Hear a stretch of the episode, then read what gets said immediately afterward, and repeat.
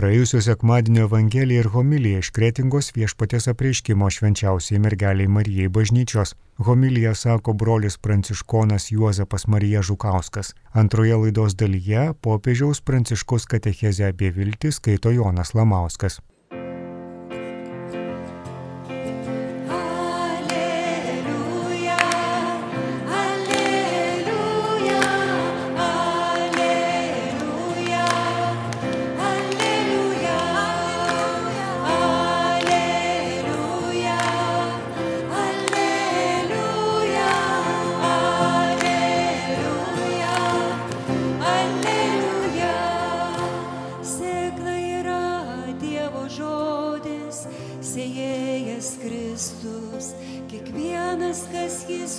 randa gyvuos per amžius.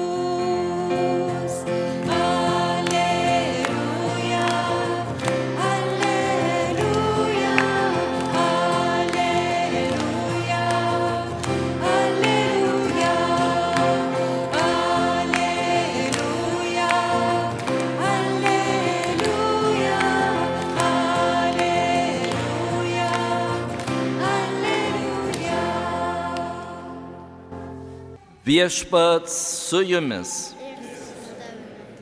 Pasiklausykite Šventojios Evangelijos pagal Morku.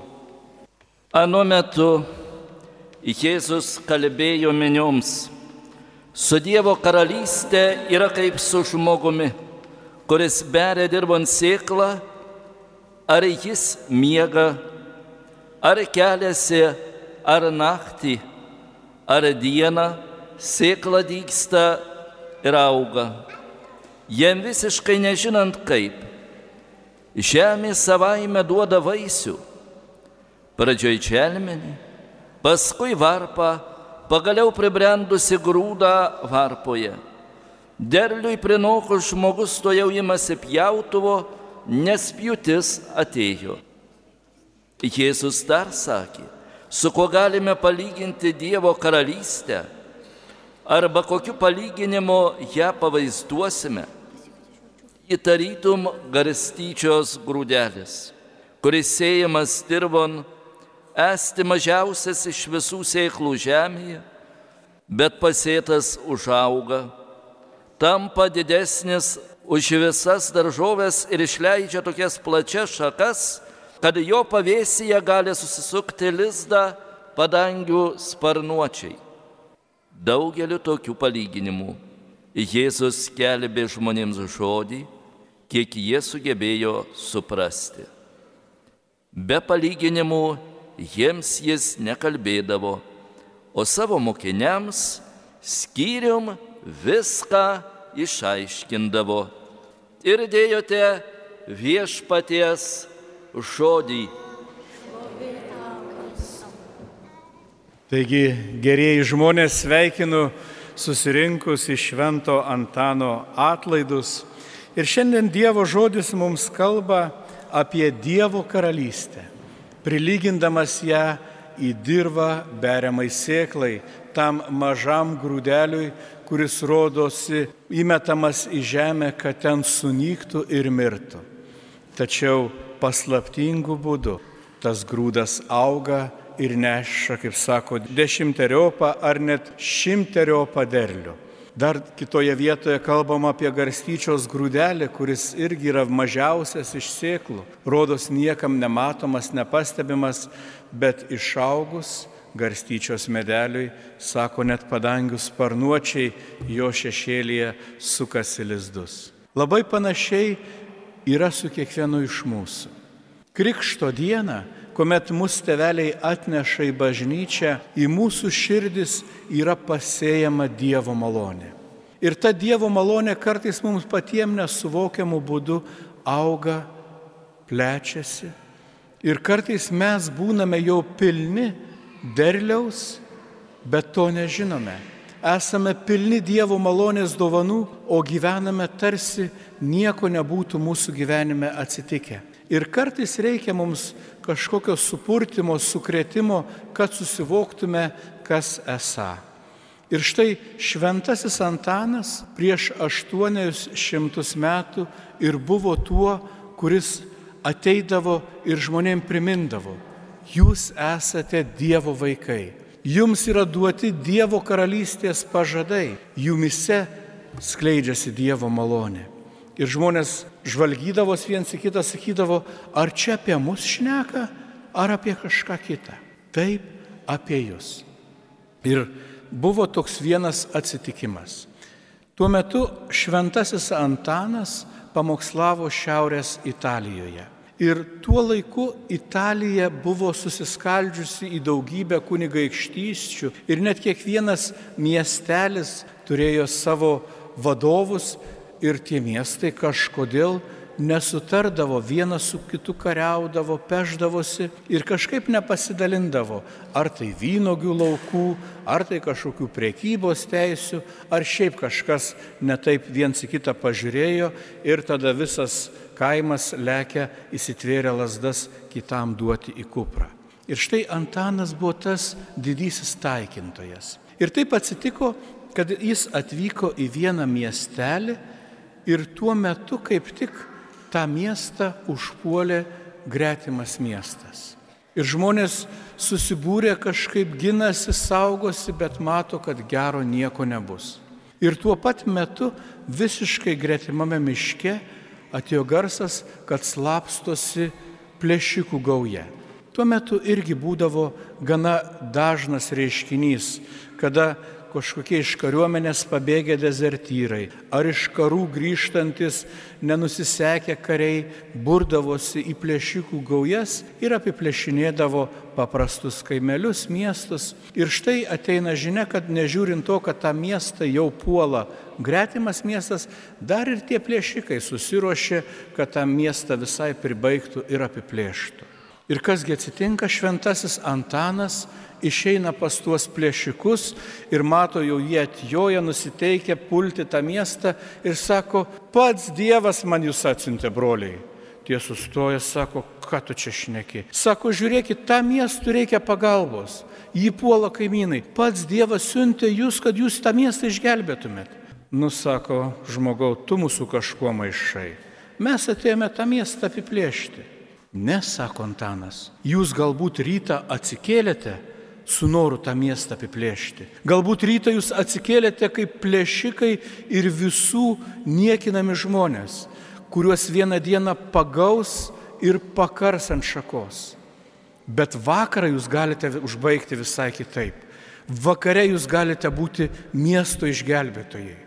Vakare jūs galite būti didvyriai, apie kuriuos tas miestas dar ilgai kurs dainas ir kiekvienas džiaugsis, galėdamas jum paspausti ranką. Čia ir dabar jūs turite nuspręsti, kas jūs būsite. Ir tie plėšikai nuleido galvas, pradėjo svarstyti, prisiminė, kad vieną dieną jie buvo gerbiami kariai, mylimi vyrai, broliai, kažkienos, kuriais didžiavosi, o dabar visų atstumti ir pasmerkti. Ir jie sako, mes norime būti didvyriais. Ir jie atėjo tą miestui pagalbą, padėjo jam apsiginti, tiesa dalis jų žuvo, bet žuvo ir buvo prisimenami kaip didvyriai išgelbėję miestą. Tai toks buvo Antanas, kuris sugebėjo perkeisti žmonių širdis. Ir lygiai taip pat aš žiūriu į kiekvieną iš jūsų. Nuduok Dievę, kad nėra čia plėšikų ir žmogžudžių, bet kiekvienas iš mūsų esame atėję galbūt su kažkokia našta, su kažkokia įda, su kažkokia nuoskauda ar nusivylimu ir kartai žvelgiam į savo gyvenimą ir sakom, nu jau čia nieko gero ir nebebus. Nu ir pabaigsiu tas dienas tam savo darbe, galbūt nevykusioj santokoj, nesusiklošiusiuose santykiuose, susipykę su kaimynu. Ir jeigu jūs va tokie kaip atėjot ir išeisit, tai nieko gero. Bet lygiai kaip tuomet Antanas pasakė, jūs rytą atsikėlėte vienokie, bet vakare galite būti naujai žmonėmis, taip ir šiandien čia aš jums sakau, jūs atėjote į šią bažnyčią galbūt kaip nusidėliai, galbūt paklydę, galbūt nusivylę, galbūt pilna liūdėsio, nerimo širdimi, bet galite išeiti džiugaudami kaip Dievo vaikai, kuriems duotos visos dvasinės dovanos pakeisti savo gyvenimą, kuriems duota gale išeiti ir šypsotis, išeiti ir apkabinti kitą žmogų, išeiti ir paskambinti senai bekalbėtam broliui ar sesė ir sakyti, broli sesė, kur tu prapuolęs buvai, atleisk mane, į tave buvau skaudinęs, pradėkim šnekėtis, pradėkim draugauti. Išlaisvinkim savo širdis iš velnio žabangų, kuris neduoda mums ramybės, kad pajustume tą iš tikrųjų laisvę, kad pajustume tuos atlaidus, kad suprastume, kad mes patyrėme atleidimą iš Dievo ir dabar galime atleisti vienas kitam. Mes galime džiaugtis ir nuo šios dienos gyventi kaip laisvi Dievo vaikai, kuriems nieko nėra neįmanoma kuriams viešpats dovanojo gyvenimą ir kurie žino, kad su kiekviena diena esame vis arčiau ir arčiau dangaus. Su kiekviena diena įveikiam vieną ar kitą įdą ir tampame vis labiau šventi. Ir jeigu šiandien mums trūksta drąsos, jeigu mums šiandien trūksta jėgos, kreipkime į šventąjį Antaną. Ta paprasta iš tikrųjų vaikelė, kuris dar paauglių būdamas pasakė, aš noriu numirti už Kristų. Kristus sakė, aš nenoriu, kad tu už mane mirtum, aš noriu, kad tu su manim gyventum. Ir šiandien jums irgi skelbiu tą gerą naujieną.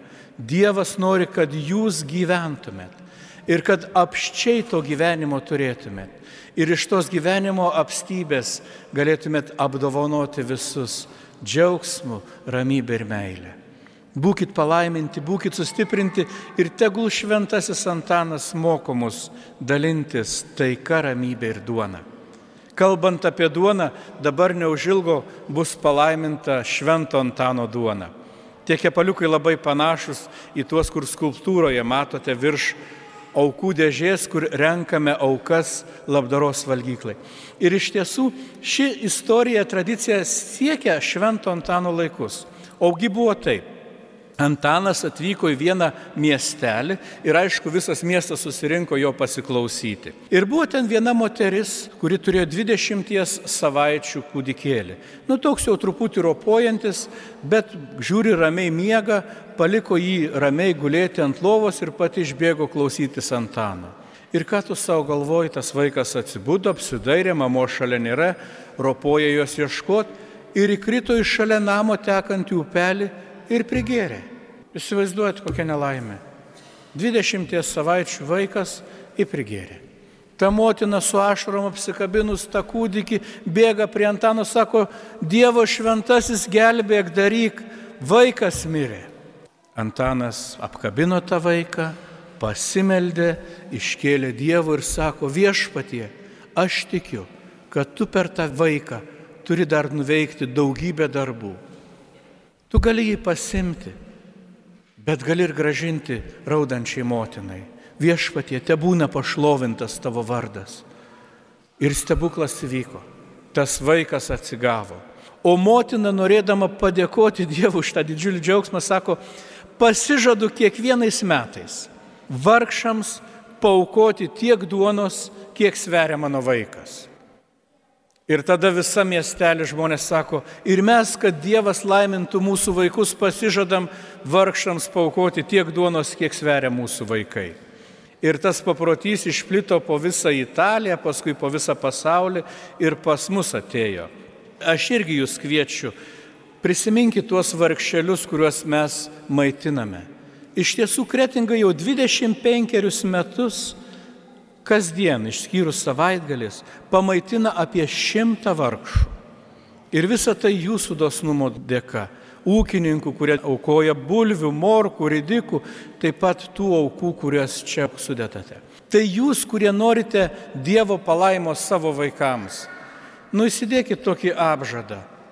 Per metus laiko paukoti tiek, kad būtų galima nupirkti tiek duonos, kiek sveria mano vaikas. Vieniem gal mažiukas, kitam jau gal ir šimtas sveria. Tai kiekvienas pasiskaičiuokit, kiek kainuotų nupirkti tiek duonos ir ne iš karto, per metus laiko, jeigu tiek paukosit, aš tikiu, kad Kretingos mieste badaujančių neliks. Nu dabar eisim, palaiminsim tą duonelę, kurią galėsit parsinešti namus, jos nėra labai daug, tuos kepaliukus, žinokit, yra toks stebuklingas veiksmas, paimi ir perlauži per pusę. Ir pasidalini su kaimynu. Tai visiems daugiau džiaugsmo.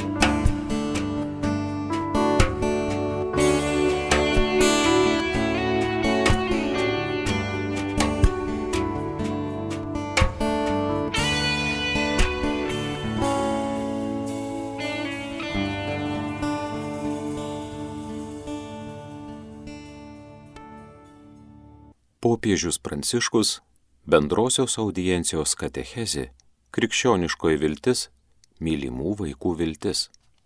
Ne vienas negalime gyventi be meilės. Mums visiems grėsia tapti aukomis tokios blogos vergystės formos, kai manoma, jog meilę reikia nusipelnyti. Veikiausiai daug šiandienos žmogaus baimių kyla iš to, tai manimas, kad jei nesame stiprus, patrauklus, gražus, tai niekam nerūpime. Mūsų dienomis daugelis žmonių siekia būti matomi tik tam, kad užpildytų vidinę tuštumą, tarsi mums nuolat reiktų patvirtinimo. Bet ar galime įsivaizduoti pasaulį, kuriame visi ieško būdų, kaip patraukti kitų dėmesį ir ne vienas nenori laisvai dovanoti kitam žmogui meilės? Įsivaizduokite tokį pasaulį pasaulį be laisvai dovanojamos meilės. Toks pasaulis gali atrodyti žmogiškas, bet iš tikrųjų jis yra pragariškas. Iš vienišumo ir našlystės jausmo kyla daugelis žmogiškojo narcisiškumo formų. Už daugelio iš pažiūros nepaaiškinamų elgsenos apraiškų slypi klausimas, ar įmanoma, kad aš nenusipelniau būti pavadintas vardu, tai yra būti mylimas, nes meilė visuomet pašaukia vardu. Kai jaunuolis nėra mylimas arba nesijaučia mylimas, tai gali vesti jį į smurtą. Po daugybės socialinės neapykantos ir piktadarybės formų labai dažnai glūdi širdis nepatyrusi pripažinimo. Nėra blogų vaikų, panašiai kaip nėra visiškai pagedusių jaunuolių, tačiau yra nelaimingų žmonių. O kas gali mus padaryti laimingus, jei nemailės davimo ir prieimimo patirtis? Žmogaus gyvenimas yra pasikeitimas žvilgsniais. Kažkas pažvelgęs į mus išgauna pirmą šypseną ir mes, dovanodami šypseną tiems, kurie užsisklendė liudesyje, atvermė jiems kelią į išsivadavimą. Pasikeitimas žvilgsniais Žvelgimas į akis atveria širdies duris. Dievo žengiamas pirmutinis žingsnis mūsų link yra iš ankstinė ir besąlygiška meilė. Dievas myli mus pirmas. Jis myli mus ne todėl, kad mumise kažkas sukelia meilę. Dievas myli mus, nes jis pats yra meilė, o meilė pati savaime linkusi skleistis ir dovanotis. Dievas netgi nesąlygoja savo palankumo reikalaudamas iš mūsų atsivertimo. Tai yra Dievo meilės padarinys. Šventasis Paulius tai tobulai išreiškė. Dievas mums parodė savo meilę tuo, kad Kristus numirė už mus, kai tebe buvome nusidėjėliai. Laiškas romiečiams, penktas skyrius, aštunta eilutė. Kai tebe buvome nusidėjėliai, tai besąlyginė meilė buvome nutolę panašiai kaip sūnus palaidūnas palyginime. Tėvas pažino jį iš tolo, labai susigaudino. Evangelija pagal Luką 15 skyrius 20 eilutė. Dėl meilės mums Dievas išėjo iš savęs, kad ateitų ir rastų mus dykinėje, kur buvo neįsivaizduojama, kad jis eitų. Dievas pamilo mus, kai buvome nuklydę. Kas iš mūsų myli taip, jei ne tėvas ar motina? Mama tebe myli savo sūnų, net jei jis yra kalėjime. Dirbdamas ankstesnėje viskupijoje matydavau daugybę motinų stovinčių eilėje prie įėjimo į kalėjimą. Jos nesigėdijo. Motinos sūnus buvo kalėjime, tačiau jis buvo jos sūnus. Joms tekdavo pakelti daug pažeminimų, per kratas prieš įleidimą į kalėjimą, tačiau jis yra mano sunus. Bet ponė, jūsų sunus yra nusikaltelis. Jis mano sunus. Tik tokia motinos ir tėvo meilė padeda mums suprasti, kokia yra Dievo meilė. Motina nereikalauja atleidimo nuo žmogiškojo teisingumo, nes kiekviena klaida reikalauja atlyginimo. Tačiau motina niekuomet nesiliauja kentėjusi dėl savo vaiko. Ji myli vaiką, net jei jis yra nusidėjėlis. Dievas panašiai elgesi su mumis, esame jo mylimi vaikai. Ar įmanoma, kad Dievas turėtų vaikų, kurių nemylėtų? Ne. Visi esame Dievo mylimi vaikai. Mūsų gyvenimo neslegia prakeikimas. Tik gero linkintis žodis iš Dievo, kuris iš nieko pašaukia mus gyventi. Visa grindžiama meilės santykių, susijęjančių tėvą su sunumi per šventąją dvasę. Tai santykis, į kurį mes priimami per malonę. Jame, Jėzuje Kristuje, visi esame norimi, mylimi, trokštami. Yra tas, kuris įdėgė mumise pirminį grožį, jo niekuomet negali visiškai išdildyti jokia nuodėmė, joks blogas pasirinkimas. Dievo akise visuomet esame mažos versmės, sukurtos tam, kad iš mūsų trykštų geras vanduo. Jėzus sako samarietiai, vanduo, kurį tau duosiu, taps tavyje versme vandens, trykštančio į amžiną į gyvenimą. Kokių vaistų reikia norint pakeisti nelaimingo žmogaus širdį? Kokie vaistai gali pakeisti nelaimingo žmogaus širdį? Žmonės atsako, meilė. Garsiau, jie šaukia meilė. Gerai, labai gerai. O kaip mes galime leisti žmogui pajusti, kad jis yra mylimas? Turime pirmiausia jį apkabinti. Padėkime jam pajusti, kad jis norimas, svarbus ir jis nebus liūdnas. Meilė šaukėsi meilės labiau negu neapykanta mirties. Jėzus mirė ir prisikėlė ne dėl savęs, bet dėl mūsų, kad mūsų nuodėmės būtų atleistos. Todėl visiems yra prisikėlimo laikas, laikas prikelti varguolius iš jų nusivylimų, ypač tuos, kurie kape gulėjo daug ilgiau negu tris dienas. Į mūsų veidus dvelkia išlaisvinimo vėjas, čia skleidžiasi vilties dovana, o viltis kyla iš Dievo tėvo, kuris myli mus tokius, kokie esame. Jis myli mus visus ir visada. Girdėjote praėjusio sekmadienio Evangeliją ir homiliją iš kretingos viešpatės apreiškimo švenčiausiai mergeliai Marijai bažnyčios. Ją sakė brolis pranciškonas Juozapas Marija Žukauskas ir popiežiaus pranciškaus katechezė apie viltį, skaitė Jonas Lamauskas.